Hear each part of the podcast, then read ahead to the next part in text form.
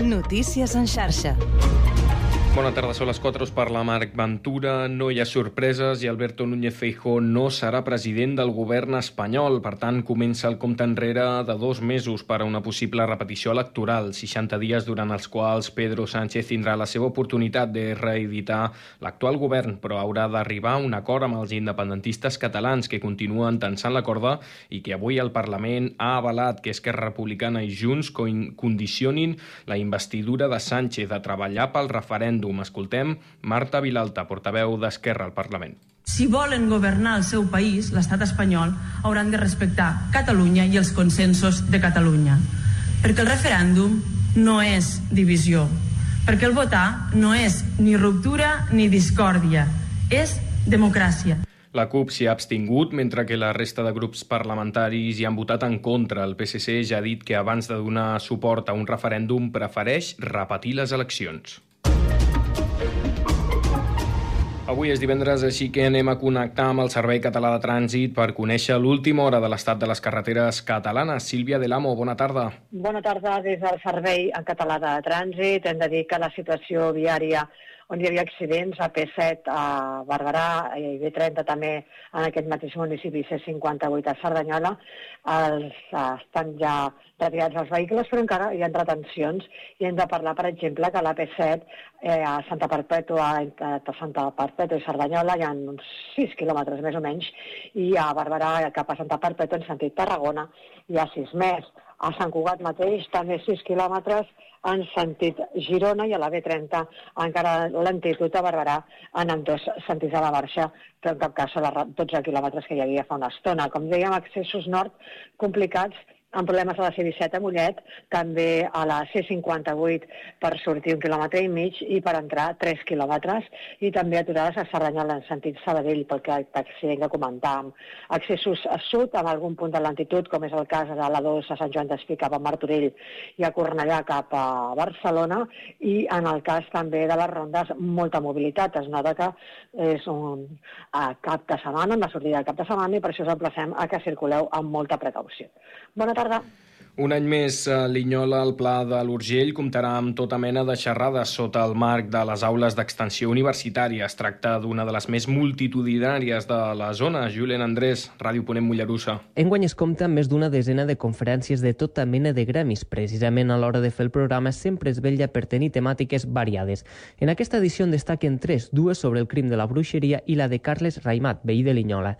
En parla Ràdio Ponent Susi Cava, una de les organitzadores. Aquest any es commemoren els 600 anys de les primeres càceres de bruixes i per això fem dos, dos conferències. Una és no eren bruixes, eren dones, i l'altra ve una, una noia que ha fet un llibre que també parla d'encanteris i de bruixeria. Cada any intentem que vingui una persona del poble a fer una conferència. Aquest any tenim el Carles Raimat. Raimat és geòleg, enginyer i treballa per una empresa de Suïssa. El nom de la xerrada és Projectes de Cooperació Internacional per a reforçar la resiliència. Barcelona avança per cobrir la ronda de tal. El següent tram és de la Vall d'Hebron a Vallcarca. De tots els eh, grups municipals, excepte Vox, es sanifica en un pacte per seguir treballant en el cobriment de la via del districte d'Horta-Guinardó. Aquest projecte de cobriment ja va quedar enllestit en el mandat anterior amb Ada Colau i l'actual govern municipal de Jaume Colloni el portarà a licitació aquest mes d'octubre. Notícies en xarxa. 4 i 4 minuts. Comença el Connectats.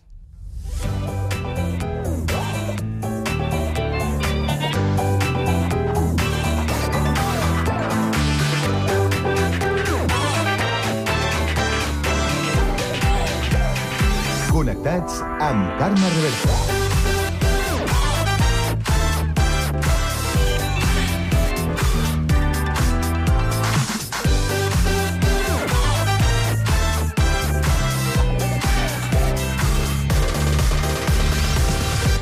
Molt bona tarda, salutacions i benvinguts un dia més al magazín de tarda de la xarxa, al Connectats, de l'àrea metropolitana de Barcelona, que fem Ràdio Sant Cugat, Ràdio Sabadell, la Ràdio Municipal de Terrassa, el Prat Ràdio, Ràdio Ciutat de Badalona i Ràdio Castellà.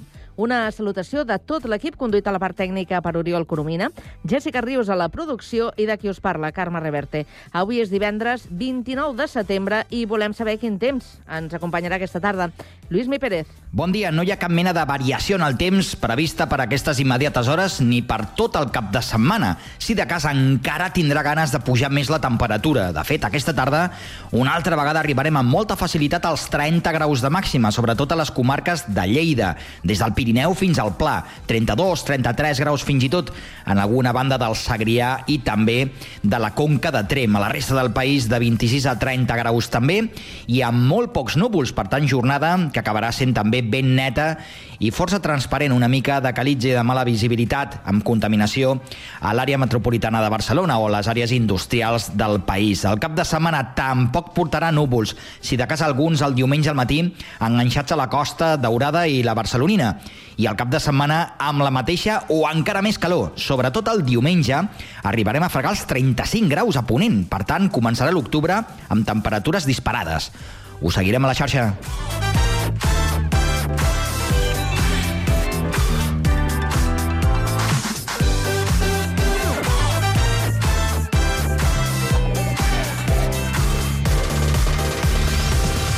Bé, doncs avui al Connectats parlarem de la sequera amb Enrique Velasco, cap de Recursos Hídrics de l'Agència Catalana de l'Aigua. Acabarem aquesta primera hora amb la tertúlia generalista per parlar de teletreball i de dos exemples que hem trobat aquesta setmana en com exercir la responsabilitat, dos exemples que són molt diferents. A partir de les 5 coneixerem la castellarenca Viena Boedo, artista i emprenedora. Sabrem què ha fet bullir les xarxes aquesta setmana amb Jessica Rius. Repassarem les novetats de la cartellera cinematogràfica amb el periodista Jordi Guillem i marxarem de cap de setmana amb l'agenda del Connectats. Tot això i més, des d'ara i fins a les 6 de la tarda a la vostra emissora local. Connectats? Comencem.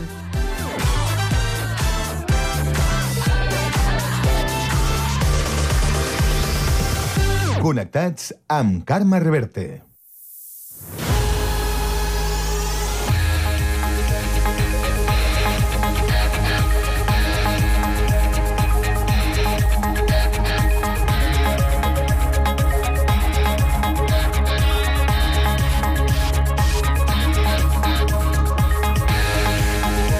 A les 4 i 7 minuts de la tarda ens actualitzem. Repàs a l'actualitat de la jornada. Com sempre, iniciem aquest recorregut per Terrassa. Sergi Estapé, bona tarda. Bona tarda, Mentores, el nou projecte de mentoria socioeducativa juvenil impulsat a Terrassa per l'Ajuntament amb el suport de la Fundació Bofill.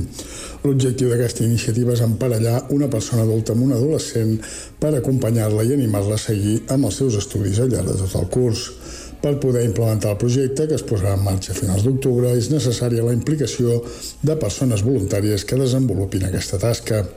El perfil és d'una persona a partir de disposada a mantenir contacte setmanal amb una persona jove estudiant de tercer o quart d'ESO per fer activitats i tenir converses que l'animin a continuar estudiant. La idea s'allunya de les tradicionals classes de repàs o de reforç escolar en el sentit clàssic del terme. Per això les persones voluntàries rebran una formació abans de començar. Els projectes de mentoria socioeducativa són una estratègia complementària per garantir l'exercici del dret a l'educació i a la igualtat d'oportunitats. Aquest projecte forma part del Pla Educatiu d'Entorn de Terrassa. Gràcies, Sergi. Continuem al Vallès. Anem a la Q-Capital, a Sabadell. Pau Duran, bona tarda. Bona tarda. Sabadell ha tancat la campanya forestal d'estiu sense incendis greus. Malgrat que les previsions inicials auguraven uns mesos complicats per la sequera i les onades de calor, finalment no ha estat així, en part per les pluges que van caure al juny, que van endarrerir l'arribada dels escenaris més complicats. Quatre mesos de campanya, del juny al setembre, que s'han tancat amb una setantena de sortides a Sabadell per incendis de vegetació poc importants, bàsicament de matolls, però sobretot per contenidors cremats cremats. El pitjor episodi durant l'última rebella de Sant Joan, tal com ha detallat en una entrevista al Cafè el cap del Parc de Bombers de Sabadell, Martín Sanàbria. I el que més, eh, sempre, més problemes han donat sempre en, la, en aquest tipus de, de, de les rebelles han sigut els incendis urbans, en, eh, sobretot el que són contenidors, que van tenir 32 contenidors eh, 32 contenidors al parc de Sabadell. Des de principi d'any, el cos d'emergències ha comptabilitzat més de 200 contenidors calcinats. Gràcies, Pau. Al litoral arribem ara de la mà d'Andrea Romera des de Badalona. Bona tarda. Bona tarda, Carme. El Centre Sociosanitari El Carme ha posat en marxa una sala immersiva sensorial que complementa les teràpies que es fan amb persones ingressades amb deteriorament cognitiu. Connectar amb les seves emocions, i això és el que permeten les imatges que s'hi projecten, és fonamental per motivar-les a moure's i estimular el cervell. Un fons marí, una passejada per la ciutat de Badalona, per un mercat o per la muntanya, són algunes de les imatges en moviment que omplen la sala immersiva que el Carme ha pogut muntar amb la col·laboració econòmica del Rotary Club. Anna Ferrer és cap del Servei de Geriatria i Cures Paliatives del Centre Sociosanitari El Carme BCA. Entren en, en marxa, en moviment les emocions i el pacient es deixa portar i es deixa guiar amb molta més facilitat i, i intervé activament perquè el motiva. És motivador, és un entorn motivador, relaxant quan cal i estimulant quan cal, depèn del que vulguem projectar i quin sigui el nostre objectiu en cada moment. Les persones ingressades que pateixen Alzheimer són les primeres a participar en les experiències pilot que es realitzen aquests dies al Carme. La idea, però, és que qualsevol pacient ingressat s'hi sumi i també hi hagi sessions destinades a millorar el benestar dels professionals del centre.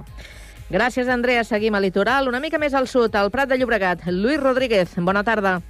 Bona tarda. El ple de l'Ajuntament ha aprovat tres declaracions institucionals relacionades amb la cooperació internacional. Entre elles, una en suport a la població del Marroc afectada pel terratrèmol del passat 8 de setembre i per la qual ja s'han destinat 5.000 euros al Fons Català de Cooperació i una altra en suport a la població de Líbia, afectada per les inundacions del riu Derna del passat 10 de setembre. En tots dos casos està oferint atenció psicològica a les famílies. Escoltem a la tinenta d'alcaldia de Benestar, Polítiques, Igualtat i Ciutadania, Marisol Rojas Fernández, i el portaveu del PP, Miguel Ángel Ochoa. Des del consistori reiterem el nostre condol i el nostre afecte al poble marroquí i al poble libi. Estem compromesos amb la solidaritat internacional i donarem suport a totes les nacions que es vegin afectades per tragèdies d'aquesta magnitud. Gràcies. Puedo llegar a entender que no se dé dinero a Libia porque el Fondo de Cooperación Catalana no trabaja.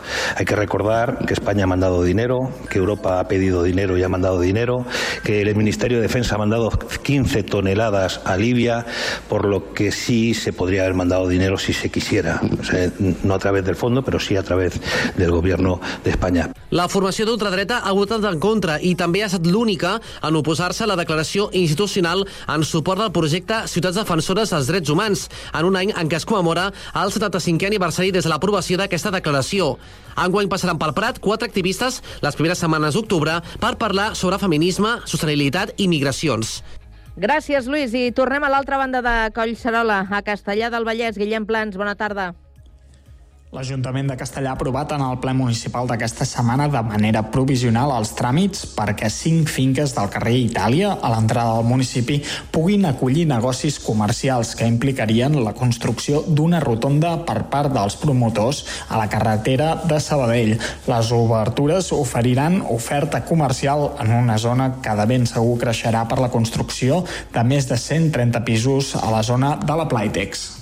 Gràcies, Guillem, i tancarem aquesta ronda amb la crònica de Sant Cugat. Jessica Ríos, bona tarda. Bona tarda. El Festival Familiar Petits Camaleons aterra aquest cap de setmana a Sant Cugat amb una dotzena edició plena de concerts i espectacles. La proposta arrenca avui divendres, amb dues cercaviles que ompliran de gresca i música als carrers de la ciutat. Enguany, al cartell hi apareixen noms com Joan Dausà, Macaco, Su, Doctor Prats, Lil Dami o el fenomen d'eufòria Triquell. Les entrades oscil·len entre els 23 i els 28 euros o també hi ha disponible un abonament complet per al cap de setmana de 46 euros. Cugat Media col·labora de nou amb la iniciativa amb la dinamització de, de rodes de premsa amb els artistes i amb el sorteig de dos abonaments gratuïts. La cita musical Petits Camaleons compta amb 73 concerts de 29 artistes diferents. Avui també s'ha programat la Festa dels Pares, amb un concert gratuït a les 8 a la plaça Victòria dels Àngels a càrrec de la Marta Rius. A més, Joan Dausà oferirà un concert de la gira 10 anys Jo Mai Mai al Teatre Auditori a les 9. Dissabte i diumenge 30 de setembre i 1 d'octubre arribarà la programació familiar amb tots els artistes convidats.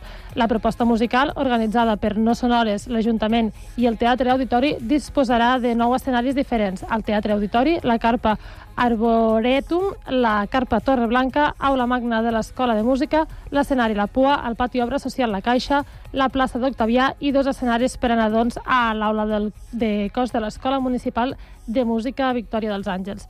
Les condicions dels concerts estan adaptades per als més petits, tant pel que fa a l'espai com al so.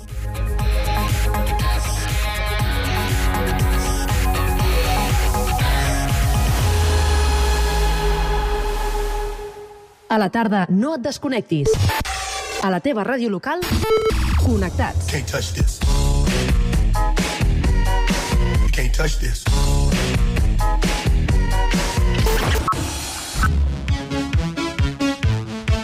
Can't touch this. Can't touch this. Connectats amb Carme Rebete.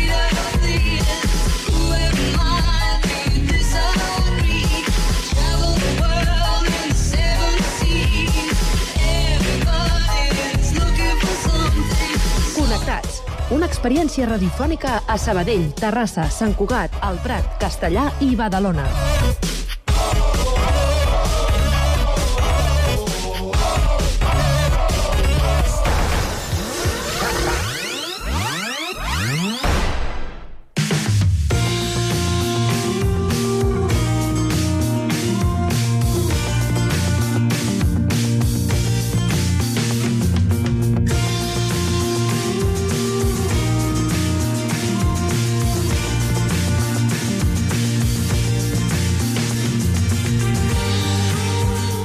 Les pluges de la setmana passada no han servit per omplir els embassaments, que continuen a nivells molt baixos. El govern ha anunciat noves restriccions a l'Empordà, incorporant 12 municipis més als que ja es trobaven en estat d'emergència per sequera. Víctor Asensio, des del Prat Ràdio, molt bona tarda. Bona tarda. De mitjana, els embassaments de les conques interiors es troben al voltant del 22%. Això fa que, si no plou d'aquí al desembre, Barcelona i altres municipis com el Prat puguin entrar també en emergència, incrementant les restriccions a l'ús de l'aigua potable. Per saber-ne més, saludem el cap de Recursos Hídrics de l'Agència Catalana de l'Aigua, Enrique Velasco. Bona tarda. Bona tarda. La sequera és ja una de les més greus dels darrers anys. Pot empitjorar encara més la situació? Bé, el, la manca de pluja que tenim, que és el motor de les nostres aportacions, eh, és, és excepcional. Vull dir, és clarament superior. Portem ja dos, tres anys, més de tres anys amb una pluja deficitària i molt inferior a la que es va donar el 2008 ja, i a més amb un període molt més llarg. Aleshores, és una situació una mica excepcional. No? Si no plou, pues, eh, evidentment, els embassaments i els tant superficials com els subterranis que hi ha dels aquífers pues, aniran reduint la, la seva disponibilitat d'aigua, mica en mica. Ja abans de vacances hi havia aquesta... No? Es parlava que s'havia de ploure molt més del que plovia normalment a l'estiu per tornar a una situació uh, més normal, diguéssim, almenys revertir la sequera més greu. No s'ha produït aquestes uh, pluges tan necessàries. Per tant, imagino que això que comentava al principi, aquesta possibilitat de que Barcelona i altres municipis com aquí al Prat entrem en emergència de cara potser al desembre, és factible? Bé, la tardor és el període de pluges, bé, que cada cop es fa més, més intens, més, que, amb més volum d'aigua de pluja. No? Per tant, estem en un període en, on es pot donar la situació de que ens entri molta aigua d'aportació en els embassaments. Com podem veure en altres llocs propers al Mediterrani, de, de, del Mediterrani mateix, o inclús a l'interior d'Espanya, ha plogut en alguns llocs molt intensament i els, algun dels embassaments ha millorat eh, significativament. No? Això ens pot passar a nosaltres en qualsevol moment, és una cosa que és difícil de predir, a, a pocs dies sí, però a, a més d'una setmana és molt difícil de predir o molt incert de predir, però és una cosa que ens pot passar i és el mes, és el mes diguéssim, on es, pot, es poden donar això. Ara, si ens, ens aportéssim, o sigui, ara tenim 150, més o menys 150 hectòmetres cúbics en global d'aigua guardada, si tinguéssim 50 hectòmetres cúbics més, estaríem en una situació similar a la que vam tenir en el, eh, que ens va portar la sequera del 2008 per aquestes dates. Eh? Que la sequera del 2008 va arribar fins a l'abril i eh, si tinguéssim 50 hectòmetres cúbics més, estaríem en una situació similar a, a la que va portar el 2008. Vull dir que realment estem molta pluja i si no hi ha aquesta pluja, doncs els embassaments aniran baixant i aleshores els consums s'hauran d'anar reduint per poder mantenir una baixada suau i pugui allargar i esperar que puguem tenir oportunitats de, de les pluges de primavera o les pluges que es puguin donar més endavant. Aquestes restriccions que s'apliquen a, Catalunya, a diversos municipis, eh, precisament per evitar aquest consum excessiu d'aigua en certs usos, eh, de fet no estan afectant el que és l'aigua de boca, l'aigua que surt a les aixetes de casa nostra, eh, però podríem arribar a una situació en la que podríem patir per no tenir aigua a les aixetes de casa, o això ara mateix és impensable? Bueno, si pensem en conques internes de Catalunya, eh, que és tota la regió de Catalunya que, que diguéssim que toca el mar, eh, que toca el mar, des de l'interior al mar, no la part de l'Ebre, eh, hi ha molts municipis, eh, molts municipis de Catalunya que estan tenint problemes d'aigua de boca. Eh? Eh, són municipis que tenen recursos locals limitats i que se'ls han anat esgotant, llavors estan anant en camions cisternes, que una altra cosa és l'àmbit metropolità, que té uns recursos més, més resilients, que té els embassaments, que té grans aquífers, que té les desalinitzadores i que no estem patint encara aquesta, aquestes limitacions, però cal tenir en compte que hi ha molts ciutadans de Catalunya que sí que l'estan patint. Ara vostè també feia referència a aquests recursos que, de fet, ens han portat a viure millor aquesta sequera que no pas al 2008, eh, gràcies precisament a que tenim unes infraestructures i uns recursos que ens permeten potser eh, tenir més recursos d'on treure l'aigua. Eh, i són suficients, eh, les depuradores, les desalinitzadores, o encara calen més recursos i més infraestructures? Bé, eh, diguéssim, jo crec que el plantejament el faria diferent jo crec que el que es necessita és un canvi d'hàbits i una reducció del consum. Això és el que necessitem, perquè incrementant, si la tendència que tenim al pas de temps és cada cop a consumir més aigua, doncs mai tindrem prou nous recursos eh, per poder atendre aquestes noves demandes. Hem de treballar amb l'eficiència, la reducció de pèrdues, la reducció de consums, anar eliminant els, els consums, sobretot quan tenim poca aigua, els consums que no són tan necessaris, no? el que li diuen els commodities, no? la, la qüestió que ens fa estar còmode, que ens fa que ens agrada, perquè el consum d'aigua a vegades ens genera una situació còmoda de, o agradable, però que no és imprescindible. Llavors hem de ser una mica més conscients en aquest sentit, hem de canviar els hàbits. Jo crec que venir, entrem en una època on en molts aspectes hem de canviar els hàbits. La, la disposició de nous recursos requereix de consum energètic, d'un gran consum energètic, perquè és desalinitzar aigua de mar, intensificar l'ús de l'aigua regenerada, tot això gasta molta energia i també és un element limitatiu i que també és un element que t'impacta en el medi. Per tant, jo crec que la mesura que ens hem d'apuntar, tècnicament s'anirà fent, també, també incrementar el preu, el preu de l'aigua, eh, s'anirà fent conforme se vagi necessitant, però és evident que el que hem de fer és contenir el consum. I quines són les mesures que hauríem de prendre per precisament contenir aquest consum, més enllà del que haguéssim de fer a les llars, no? d'un ús responsable de l'aigua, que ja ho sabem, apagar la, tancar l'aixeta quan no la fem servir en aquell moment o dutxar-nos al temps suficient. Quines altres mesures es podrien prendre, per exemple, perquè des dels municipis o les indústries es consumeixi menys aigua? Sí, eh, sí, per a curt termini són les que ja dicta el pla de sequera, que que són unes mesures que van tenir un procés participatiu on molta gent va aportar la seva opinió, que es van tenir en compte i que ja ha aprovat el govern fa uns anys. Llavors, tots els municipis o tots els actors, les indústries també, els agricultors, saben les regles del joc i aleshores aquestes són les que s'apliquen en, en, a curt termini. No? O sigui, conforme anem entrant en estadis, en estadis més complexes de la sequera, doncs es van aplicar aplicant aquelles regles que, que, es van aprovar, que ens vam aprovar entre tots. També és veritat que cada municipi, la realitat de cada municipi és diferent i cada municipi pot afegir eh, aquelles mesures que cregui que el municipi eh, li, són, eh, li són necessàries. No?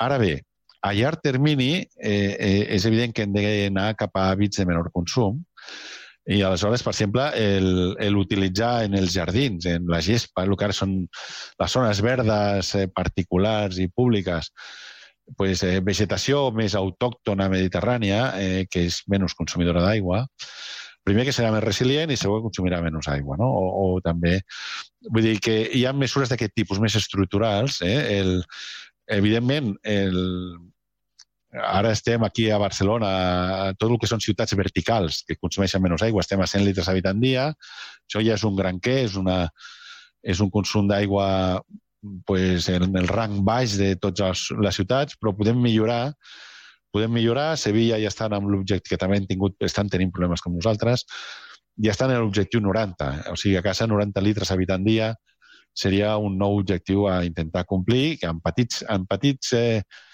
petites qüestions de canvis d'hàbits, de, de pues, omplir la renta, la renta vaixelles, la renta roba també, pues, tenir els productes de baix consum d'aigua, o que es diuen, diguéssim, eh, més, més ambientals, pues, consumir menys aigua en, en general, no? I després també les indústries i els agricultors també han d'anar migrant a ser més eficients. Mm -hmm. Tornem a parlar de, de les pluges que hem tingut aquesta, aquests últims dies. Um, si bé no han servit per omplir els embassaments com caldria, sí que han donat cert respir, almenys a les zones litorals, però aquesta aigua realment uh, ha ajudat a, cal, a sedegar una miqueta, calmar aquesta set que tenia, que tenia Catalunya de, de pluja, o no és suficient, o no ha plogut en els llocs on hauria de ploure? Bueno, plou on plou, diguéssim, però ha estat útil, sí, sens dubte. O sigui, hem, la campanya de regadius s'ha tancat abans, o sigui, els consums dels darrers, de les darreres setmanes s'ha reduït radicalment perquè ha plogut en zones de regadiu. I aleshores, quan tenen l'aigua de pluja, doncs ja no reguen. I aleshores, això ens ha suposat un estalvi bastant important. També és, és veritat que que eh, hi ha hagut una aportació d'aigua aigües avall dels embassaments i això ens ha permès també tancar una mica els embassaments i guardar l'aigua als embassaments. L'evolució, la, la tendència de, de reducció de volums dels embassaments i dels aquífers eh, en general, no a tot arreu, però en general eh, ha canviat i ara baixen molt més lentament. I en cas de que es produïssin eh, pluges torrencials o grans tempestes, grans pluges, que més enllà del mal que podrien fer no, directament quan passen, hi ha crescudes de rius o quan hi ha inundacions, els embassaments això els aniria bé o no es pot aprofitar tota aquesta aigua que ve de cop? Bé, des de l'embassament es, es desembassa sobre l'aixeta de l'embassament per cobrir les demandes que hi ha aigües avall. Aleshores, si entremig plou i, aquestes, i, i el riu aporta més aigua, doncs aleshores l'embassament tanca l'aixeta una mica, i que això genera, genera eh, estalvi. Aleshores, tenim alguns embassaments que són litorals, que embassaments petits, com és l'embassament de Foix, que aquests, si plou en el litoral o prelitoral, es veu beneficiat. Eh? Altres embassaments són més interiors, són més interiors i aleshores, si no plou en el Pirineu o, o si més, més enllà del prelitoral, eh, pues, normalment té una afectació menor en els embassaments. I en el cas, per exemple, del Prat, que tenim l'aqüífer, el fet que plogui en superfície ens beneficia d'alguna forma?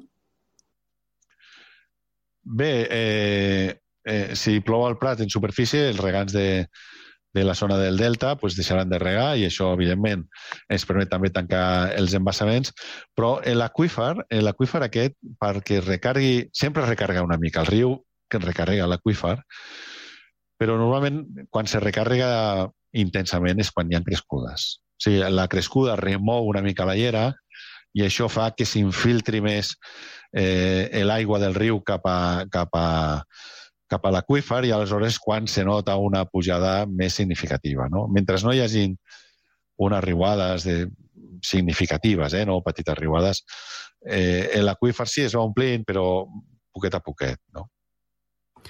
Doncs Enrique Velasco, cap de Recursos Hídrics de l'Agència Catalana de l'Aigua, moltíssimes gràcies per aclarir-nos tots aquests dubtes i explicar-nos també una mica com funciona aquest eh, cicle de l'aigua, que és molt interessant, i esperem que d'aquí al desembre hagi plogut el que ha de ploure i podrem eh, respirar una mica més, més tranquils amb aquesta sequera.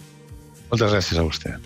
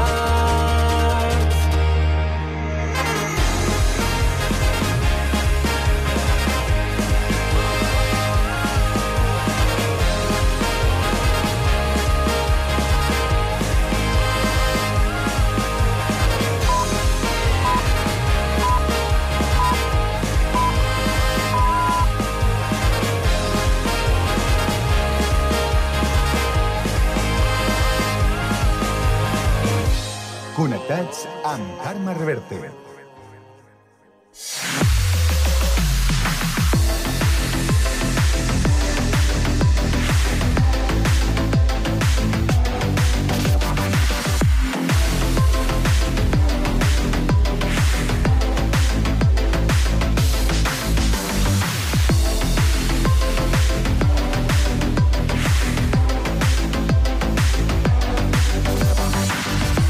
Dos quarts de cinc de la tarda i arribem puntuals a la cita amb la tertúlia. Obrim aquesta finestra a l'opinió. Avui divendres la compartim amb la Marina Domènech, que és estudiant de comunicació audiovisual, i la tenim a Sabadell. Marina, bona tarda.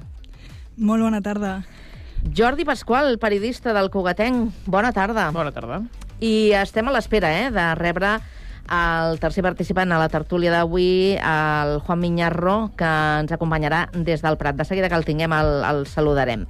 Però, si us sembla, eh, podem entrar ja en matèria i ho farem molt ràpidament, eh, fent re, un repàs molt ràpid a, a l'actualitat d'aquesta jornada, que, com sabeu, venim tota la setmana parlant d'aquesta activitat eh, que hi ha al Parlament i al, i al Congrés, molta activitat eh, política, tant a Madrid eh, com eh, aquí a Barcelona, i avui era el dia en què s'havia de produir la segona votació per saber, doncs, eh, descartar sorpreses, per saber si el senyor Feijó, doncs, eh, al final tirava endavant eh, aquesta investidura, que mm, pintava malament, però acabat com pintava, i ara doncs, entra en escena el segon torn, que és eh, la investidura de Pedro Sánchez. Però alhora, i en paral·lel, també s'ha anat eh, treballant al Parlament de Catalunya. I per als que encara no us heu posat al dia, us expliquem que el Parlament ha aprovat condicionar la investidura de Sánchez a treballar per un referèndum, no només la amnistia, sinó també un referèndum. Eh, molt ràpidament, eh, com pot acabar això? Anirem a eleccions? Perquè, clar, aquí tothom està descartant que anem a eleccions. Com ho, com ho veieu vosaltres? Vols començar, Jordi? Vale, um, jo, és possible que acabem en eleccions si, si no canvien els condicionants. Vull dir, era, era evident que la, que la candidatura de Feijó no, no prosperaria i que, per tant, la, la única opció real era la de Pedro Sánchez i si l'independentisme es posa el, en la condició del referèndum i no canvia de parer, ho veig difícil. Eh, es veu una diferència entre l'independentisme en el País Basc, per exemple, no? el que representa Bildu, i, i el que representa l'independentisme català. Bildu, en aquesta estratègia de ja fa anys, no? de mantindre eh, la reivindicació pel dret a l'autodeterminació, però eh, sense renunciar a aquestes aliances en l'esquerra espanyola, en tot moment ha dit que el que faria és parar un possible govern d'esquerres i, eh, de dretes i, i afavorir un, un govern d'esquerres, una cosa que l'independentisme català no ho té com a prioritat, sinó que continua posant el tema nacional sobre la taula i com a eix central. El que em sembla també curiós, més enllà de que és molt raonable que els partits independentistes plantegen eh, condicions en claus independentistes, òbviament, um, no deixa de ser curiós que en unes eleccions en què l'independentisme ha perdut tants vots i ha perdut tanta representació, les condicions siguen, si fa no fa, les mateixes que anys enrere. No? Uh, crec que la, la força de representació ha canviat i això també fa que quan tu demanes una cosa tingués menys força de negociació o així aparentment ho hauria de ser. També és cert que contenen la clau uh, fa que tinguem més força que no la que li han donat els vots, segurament. Sí, que no cedeixen tant com en teoria eh, es podria Home, sembla, suposar. Sembla curiós que perdent 700.000 vots l'independentisme pogueren mantindre la reivindicació d'un referèndum. Mm -hmm. Tu com ho veus, Marina?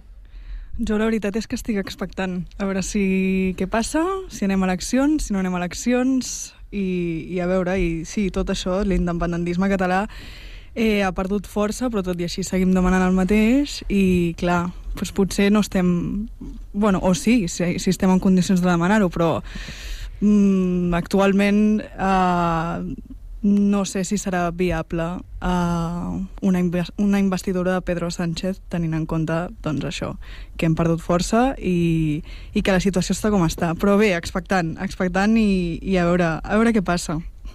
Estarem doncs, eh, fins a finals de novembre, que és el que més o menys indica el calendari. El PSOE ja, ja ha dit que té molta pressa no? per, eh, per eh, tirar endavant aquesta investidura. Però, clar, si els condicionants eh, són els que ja hem comentat, eh, caldrà fer molta negociació, caldrà... No sabem si hi haurà concessions, o si variaran gaire els plans d'aquest full de, de ruta. Sí, no, no sé si Pedro Sánchez eh, vol arriscar-se a unes altres eleccions, encara que és un home que sembla, que Ui, sembla li, que li sempre... encanta jugar Sí, li i, i, i caminar per la corda riscos, fluixa. sí, Sempre cau de peu, Sí, i no sé sí, com sí. ho fa. Però... sí, sí. És com els gats, que té m- moltíssimes vides. Sí, però més de set, jo crec que ja les ha superat. Eh? Sí, sí, és un home que sempre, no sé com s'ho fa, però sempre acaba... Sí, se n'acaben sortint. Est estarem entretinguts, si més no, no? Sí, sí. Sí, sí, entretinguts una bona estona, això segur.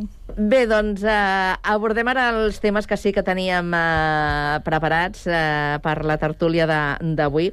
Un té a veure amb el teletreball i una nova sentència eh, perquè sembla ser doncs, que eh, eh, alguna empresa ha pretès eh, doncs que, per exemple, les estones que un eh, està a casa però també ha d'anar al bany, al lavabo, a fer les seves necessitats o, o, o es queda sense, sense llum i no pot continuar treballant o té algun problema informàtic. O... o sigui que totes aquestes qüestions eh, pretenia que se li anessin descomptant de, del, del temps de, de descans, no?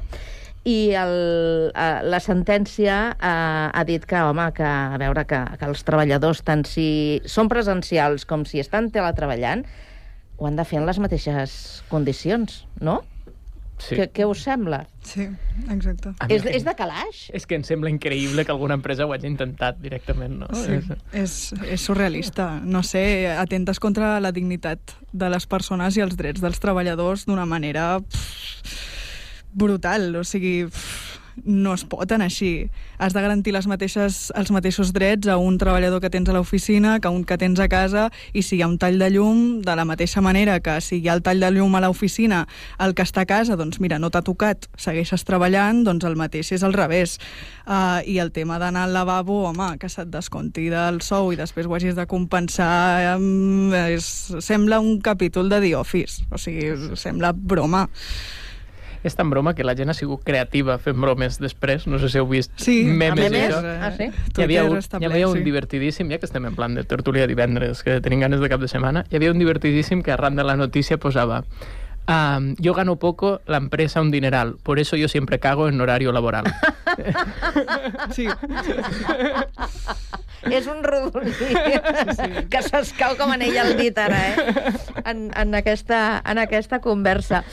Clar, eh, recordeu l'època de, de la pandèmia, quan, eh, ostres, el tema del teletreball eh, va estar en auge, que semblava que, que seria mm, doncs, eh, no sé, la, la, una de les grans solucions, que, que seria una alternativa... Eh, semblava més del que està sent en realitat, no? S'ha desinflat una mica aquesta bombolla de, del teletreball? Jo diria que sí. Um, evidentment hi ha algunes feines que no poden ser de teletreball, aquestes Mm. era obvi que no passarien, però fins i tot algunes que pots imaginar-te que són molt de, de teletreball, el fet de trobar-te en un lloc, en els companys en qui fas alguna acció, no? encara que siga a nivell d'oficina, de periodisme, per exemple, jo com a periodista d'un diari digital treballo molt des de casa, però és indispensable que jo pugui fer reunions presencials i que això ajuda a treballar millor els continguts, a compartir temes, no? Uh, per tant, un teletreball complet jo crec que és bastant inviable a no ser que estigui molt ben trobat el tema de les reunions online, que no és el mateix que trobar-se. La simple pausa de fer un cafè a l'hora d'esmorzar i parlar amb els teus companys d'una altra cosa també ajuda a, bueno, a treballar millor, perquè coneixes a l'altra persona, estàs en contacte, no? Um, I, clar, això el, tele, el teletreball no pot aconseguir. Jo crec que les empreses s'han adonat d'això, no? que hi ha un punt de contacte físic que no és necessàriament laboral, però que també ajuda. I per tant crec que moltes han optat per aquesta fórmula mixta en què de 5 dies a la setmana hi ha dos o tres que ho fas des de casa i dos o tres que, que vas a oficina. Mm -hmm. Marina. Doncs això, el mateix, sí. Uh, jo crec que mm, el teletreball, doncs, eh, total, no s'hauria d'aplicar com a mesura de, bueno, com a solució, no? com, a, com a treball normal, sinó que és això, no només el temps que comparteixes en reunions, sinó el, els, eh, aquests espais de descans on tu fas un cafè amb el teu company i tal, la interacció humana, al final, és una cosa que no s'ha de perdre. Hi ha moltes feines, sobretot en, en l'àmbit de, de la comunicació, que sí, que pots treballar des de casa, però és això, les reunions jo sempre totes les vegades que em reuneixo prefereixo que sigui abans una reunió uh, presencial que una online. Sí que és veritat que per temes d'horari i tal, a vegades, i per conciliació, a vegades familiar, això també és un tema que el teletreball a l'hora de... Bueno, i no familiar, el tema de conciliació amb coses que tu tingués a fer a la teva sí. vida, mm. el teletreball també pot solucionar moltes, molts, molts d'aquests aspectes um, de la vida, però, però clar, mm, sí, jo un teletreball, una feina mm, de teletreball absolut i no veure potser el teu cap o no veure els teus companys, ja no només per tenir una relació laboral amb ells, sinó per bueno, pues això, el que comentàvem de mm, fer un cafè o xerrar en estones mortes és una cosa que s'agraeix i mm. compartir pues, amb, amb persona està bé. Ara, ho, ho esteu parlant molt des del punt de vista eh, eh, treballador, nosaltres com a, com a, com a part activa d'aquesta feina. Posem-nos en la pell de, de les empreses, perquè no sé si teniu la sensació que les empreses encara eh, desconfien molt de, de, del treballador a l'hora de, bueno, que pugui teletreballar, que sempre prefereix això és una qüestió de mentalitat i no sé si és que encara no, no estem eh, del tot preparats eh, necessiten tenir el treballador allà, encara que s'estigui gratant la panxa? Bueno, no sé si desconfiar del treballador és, és simplement pel teletreball o perquè és la filosofia de moltes empreses de per si, no? Vull dir que al final sí. eh, les empreses busquen la rendibilitat i tindré formes de tindre el treballador controlat per a que... Però el tens controlat visualment.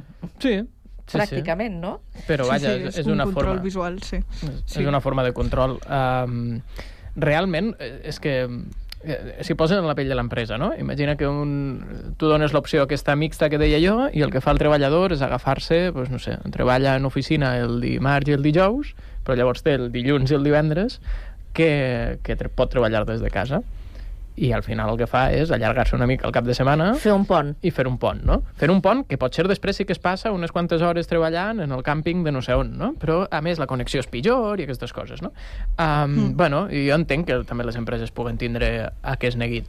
Però, vaja, suposo que hi ha els mecanismes suficients. Si algú, si tu tens un contracte i l'estàs incomplint de forma reiterada, tens els mecanismes correctament, no cal un acomiadament de partida, sinó poder parlar amb el treballador, mirar com es regula. S'han començat a avançar en regulacions sobre teletreball, vull dir que la desconfiança que està de les empreses jo crec que naix més de la desconfiança de les empreses en general. Treballar per projectes, no treballar per hores... Bueno, sí. Per exemple, sí, no? Sí, sí, i alhora també tenim sobre la taula una reivindicació que no, no, no està tan relacionada, però que va un poc en la línia d'aquesta conciliació, que és reduir el número d'hores treballades o en volta de treballar 5 dies, treballar-ne 4, no? Sí. Uh, això és una cosa que està sobre la taula i que també ajudaria en el sentit d'això, no?, de conciliació bueno, com, com deia la Marina, no? no només a nivell de, de familiar, sinó de, de la vida en general, perquè tots tenim altres obligacions, deures i també temps d'oci que de vegades el deixem en l'últim lloc i és molt important per a la salut mental, per exemple. Sí, i tant. Anar a escampar la boira, no? Exacte. Aquesta, aquesta és la, la imatge. Sí, sí, totalment. Però vaja, que, que una mica la sensació sí que és aquesta, no tant pel control que puguin tenir de, dels treballadors, però que no l'empresariat no s'acaba d'acostumar del, del tot a que doncs, a, no, a no tenir el treballador allà a, a, a l'empresa. Però vaja, temps al temps, eh, que tot això va, va, va avançant.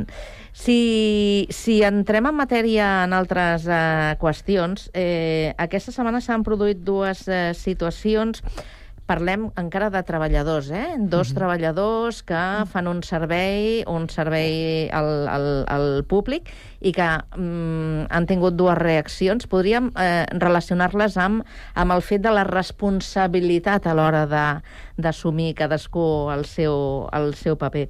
Eh, si us parlo del maquinista de Rodalies, eh, us sona? Perquè s'ha fet, eh, Mhm. s'ha fet viral, no? Sí. Aquesta bronca.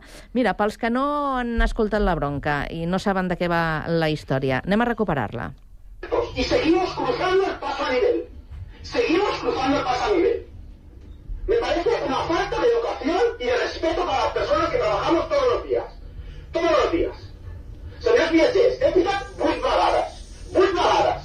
I se, passa el tren i segueixen passant per davant del tren. Per davant del tren. Però ara el, el fem retard de tota la línia R2. Som conscients que anem molt apretats de temps?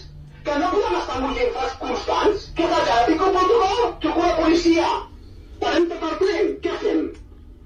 Una mica de respecte a les morts. Una mica de respecte a les morts.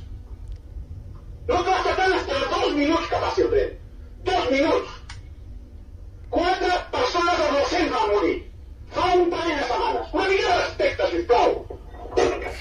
Tu ets un passatger d'aquesta línia. Això passava al pas a nivell de Montcada i Reixac, que és un, sembla un dels eh, passos a nivell eh, conflictius. Eh, I com et quedes quan estàs al vagó? Perquè això ho va gravar un, Sí, sí. un passatger.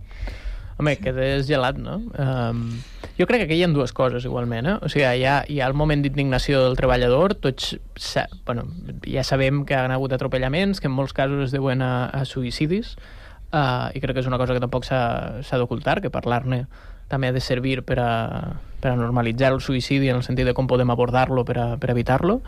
Um, i també el, el, el dany que causa un atropellament sobre, sobre el conductor o la conductora. Al final, eh, atropellar algú i saber que l'has matat o que l'has deixat eh, ferit de mort, pràcticament, o que, des, o que potser es salva però acaba tenint moltes seqüeles, eh, és una cosa que, que, que t'ha d'afectar. I jo crec que la indignació d'aquest home ve d'aquí, no? de que hi ha molts casos de que sabem que allà és un punt conflictiu i que la gent que fa el que vol, doncs, home, em, comencem a actuar en conseqüència. Però després que ha, crec que hi ha un altre element que és com està preparada la, la línia eh, i tota la, la infraestructura de, de ferrocarrils a, a nivell de Catalunya. Eh, tenim ciutats travessades per, per línies mm. de tren eh, que estan plenes de passos a nivell. Sant Cugat, per exemple, és l'excepció perquè la de Renfe passa com més amagada, no? perquè està, no està soterrada, però... Queda en un sot. Queda en un sot, Mhm. i, les de, i les de ferrocarrils de la Generalitat estan molt ben aïllades, però hi ha molts municipis que no. I la solució segurament seria el soterrament. De vegades també es busquen solucions estranyes, com la que s'ha proposat en Figueres, de moure l'estació per a posar-la al costat de l'estació de, de, de l'AVE, el que suposa és apartar l'estació del centre de la ciutat, apartar-la de l'estació d'autobusos, per tant, dificultar la intermodalitat i, de facto, anar en contra del transport públic perquè si poses l'estació de, de Rodalies als afores no té cap tipus de sentit, no? Per tant, eh, crec que ha d'haver una reflexió de fons sobre com és la infraestructura ferroviària en aquest país, no només eh, en quant a intermodalitat, en quant a freqüències, en quant a línies, sinó en com travessen els nostres pobles i ciutats i en els llocs on realment és problemàtic poder actuar en conseqüència. Però a banda d'això, que apunta el, el Jordi, Marina, eh, quina poca paciència que tenim també, no? Mm, Bé, jo a l'escoltar aquest treballador, la veritat és que que perdi els papers d'aquesta manera jo també m'hagués posat així, probablement. Perquè, bueno, empatitzo molt amb, amb el fet de que ets conductor d'un tren i tens la responsabilitat, no?, no només de portar les persones a un lloc i de vetllar per la seva seguretat i, i tot això, sinó que si algú pren mal i l'atropelles, tens tu aquesta càrrega i aquesta mort i la portaràs amb tu tota la vida, per molt que hagi sigut un accident.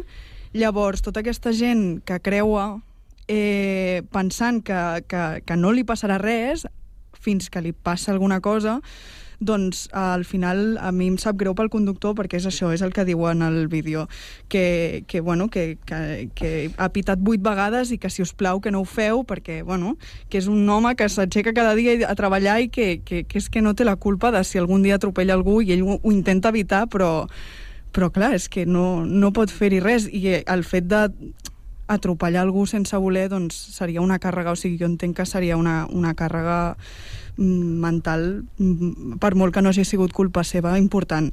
Llavors, bueno, em sap greu per aquest home que hagi de, de lidiar amb això. Totalment, potser aquell dia tenia un mal dia i va saltar abans, però si Segur, salta... segur que no és la primera vegada que s'hi troba, eh? No, no, segur, Clar, per això. que Però que arriba un moment... Se li nota en la veu que Ah. ja és una, una cosa que s'ha repetit més d'una vegada i de fet, eh, bueno, amb Montcada i Reixac és el que diu la notícia, que és un dels punts més perillosos de la xarxa ferroviària catalana, perquè uh -huh. mm, hi, ha, hi ha hagut 179 morts i, i, bueno, i l'última víctima mortal va ser l'abril d'aquest any, o sigui, mm, relativament a prop, mm. i llavors, clar, és una persona que treballa en aquest eh, servei mm, i ha hagut de veure això i no li agradaria que, que carregar-se un mort mm, perquè algú ha tingut la imprudència de, de, de travessar perquè la infraestructura doncs, no, no, no està bé. Mm -hmm, totalment. I a més, si, si, eh, més enllà de que això sigui un moment puntual i que potser és un dia que ell, no sé, estava més nerviós i li va eixir això ja tres vegades, no? Estava fins als nassos, ja. Estava fins als nassos. Sí. Crec que és, posit és positiu en el sentit de que gràcies a la viralització d'este vídeo hi ha gent que s'estarà conscienciant de quina actitud ha de tindre per a creuar unes vies, que és absurd que ho hàgim d'explicar, però sembla que cal, i també que puguem obrir la reflexió més enllà que deia jo abans, no? de com tenim la nostra infraestructura viària. Si, si el, el, que l'home este s'hagi enfadat aquell dia serveix per a tindre este debat, benvingut siga i que vinga alguna bronca més, si cal. És que estan a l'espera, eh, de fer aquest eh, Sí, soterrament. per això, per això. El que passa Sí, és que, la, sí. com diuen, les coses de Palacio van despacio i, i Sí. això triga, Sí, sí. triga un temps. Però vaja, que això, si serveix per eh, reflexionar, eh, però també que, que, que serveixi perquè cadascú de nosaltres, individualment, com a, com a usuaris, també ho puguem, ho puguem fer. A veure, dos minutets, eh? Si t'esperes a que passi, que passi el tren, tranquil·lament, i després passes tu, que són dos minuts. Ja, ja. Però sembla que anem en pressa pel món i, i ens és igual tot, saps? Malauradament. Clar, no, és el que deia la Marina, no, a mi no em passarà, no? Clar, sí, Fins- fins això, que pot arribar el passa- dia que passi. Fins que et passa, clar. Que a veure, que també ho entenc, que el- si se t'escapa el tren, doncs la Renfe va com va i, i potser no, l'aca- no acabes agafant un R2 fins al cap d'una hora i mitja. I clar, jo entenc que la gent vagi amb presses, però, però clar, o és, a vegades no cal arriscar tant... Bueno, o sí, no ho sé. Hi ha gent que s'arrisca molt, però, però també entenc que el, el servei també va com va i potser si perds aquell tren, doncs, potser no arribes a casa a dinar fins les 6 de la tarda. També pot ser. Però, bueno, tampoc cal arriscar la, la, la vida pròpia i s'ha de ser també conscient de, del que t'està jugant i que, bueno, que si t'atropellen, doncs el, el pobre conductor pues, a saber com es queda. En definitiva, I que la, també. la culpa sempre és de Rodalies. Sí, sí, la Renfe... La Renfe sí. Culpa de la Renfe, tots els problemes que tenim són culpa de la Renfe. Ai, ara anem amb el guai de, de l'oficina. El, el guai de l'oficina. Aquest eh, sí. pilot de, de British Airways que l'han acomiadat eh, perquè el dia, la nit, la nit abans d'un vol de 12 hores resulta que se'n va a una festassa, però una festa d'aquelles de... Vés a saber com acabo, no? eh, van detectar que... Bueno, van detectar, no, hi va haver una companya que, com sabia el que havia passat, eh, va anar al superior i li va dir mira, xato, que ha passat eh, això, i li van fer doncs, eh, les revisions pertinents. Aquest senyor havia esnifat eh, cocaïna en aquesta nit d'accessos i, i l'han acomiadat. En fi. Això és un altre tipus de responsabilitat. A veure, un senyor que a, en principi anava de, de copilot, però De dius, copilot, és sí. igual, t'ho imagina't que li agafa un d'allò al senyor, al senyor pilot i t'has de posar tu, en quines condicions ho fas? Sí, sí, no, no, jo crec que també la responsabilitat que tenim cadascú en la nostra feina d'estar en condicions eh, per, a, per a fer-la, no? I, evidentment, esnifar cocaïna la nit anterior no és la millor forma d'anar i menys a volar. Bueno, en un altre sentit igual sí que voles, sí, però... el primer, ja, ell ja ha volat. El que no ja sabem és si, volant, si va aterrar. de- d'enlairar-se ja, ja anava volant. I a nivell de, de, de procediment i tot això, a nivell laboral, sí que no tinc ni idea. Uh, entenc que si l'empresa ho detecta d'actuar d'alguna manera. No sé si pot ser... Clar, tampoc sé si havia tingut problemes laborals abans, esta persona, ja l'havia liat en algun moment. Potser era la primera a fer-lo fora, li pots dir, mira, avui no voles, uh, ja mirarem què fem i no cal acomiadar-te directament, però pensar el que fas, no? Jo crec que també el fet de donar una oportunitat abans d'acomiadar estaria bé, però clar, tampoc sé l'historial d'este senyor, no? Vull dir que... Mm. A tu què t'ha semblat, Marina, la història? Jo, a veure, és bastant imprudent per la seva part eh, prendre totes les substàncies que va prendre a 12 hores, a fer, per fer un, abans d'un vol de 12 hores, no? Eh, també, per la seva part, comunicar-ho a la seva companya, però el fet de que ho hagi comunicat a la seva companya segurament ha salvat a, a molta gent, perquè la Més, seva més companya que ho ha comunicar-ho, el que feia era fardar. Fardar, exacte, sí, sí, sí. Mm. Mira que guai que sóc, eh? Mira que guai que sóc, mira el que faig, doncs mira, mm, tu no pots volar en aquestes condicions. Llavors, a veure, mm, l'han acomiadat, però bueno, eh, allà posa que, que, que el, amb rehabilitació potser el poden tornar a, a, A reincorporar. A reincorporar, sí. I, i la, Llavors, no ho sé. l'actitud de la companya, perquè clar, ell ho fa, li explica, m'imagino que en confiança, no? Perquè són, Clar. són companys de feina, però deuen tenir una relació si no, no de- expliques. d'amistat, que tampoc no. Però l'actitud de, de la companya de- d'anar a un superior i explicar-li... Us sembla... Com, com la qualificaríeu vosaltres? Home, sí que és el paper de xivata un poc, no? Però, però clar, entenc que si el que ha fet aquesta persona posa en risc la, a tanta gent, mm, no em sembla tan desproporcionat. El que potser es podria haver aconseguit és, bueno, el que deia jo abans, que no fos un acomiadament tan directe. I, I el tema de la rehabilitació ho veig relativament, perquè una rehabilitació és per a qui és addicte. I no sabem si aquest home és addicte a la O és cocaïna. consumidor ocasional. O, o simplement és un, un dia ha anat, s'ha fet no sé quantes ratlles i ja està, i, i no té una addicció. Uh, bueno, no sé. És a dir, és que ho entenc. No? Jo suposo que si jo treballara en una companyia Diries per si de cas, Sí, eh? és que no, clar. que no s'estimin. per la, per la vida de tots i la meva pròpia, no? Si va agafar el mateix avió, vull dir que...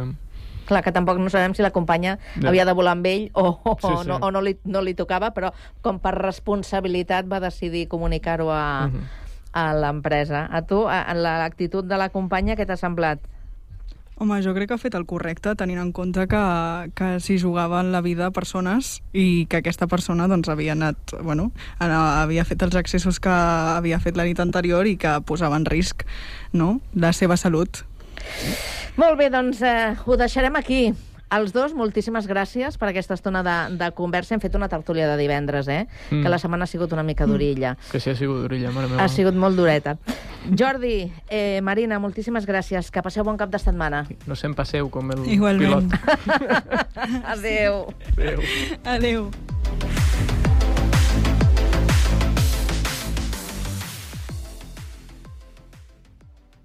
Anywhere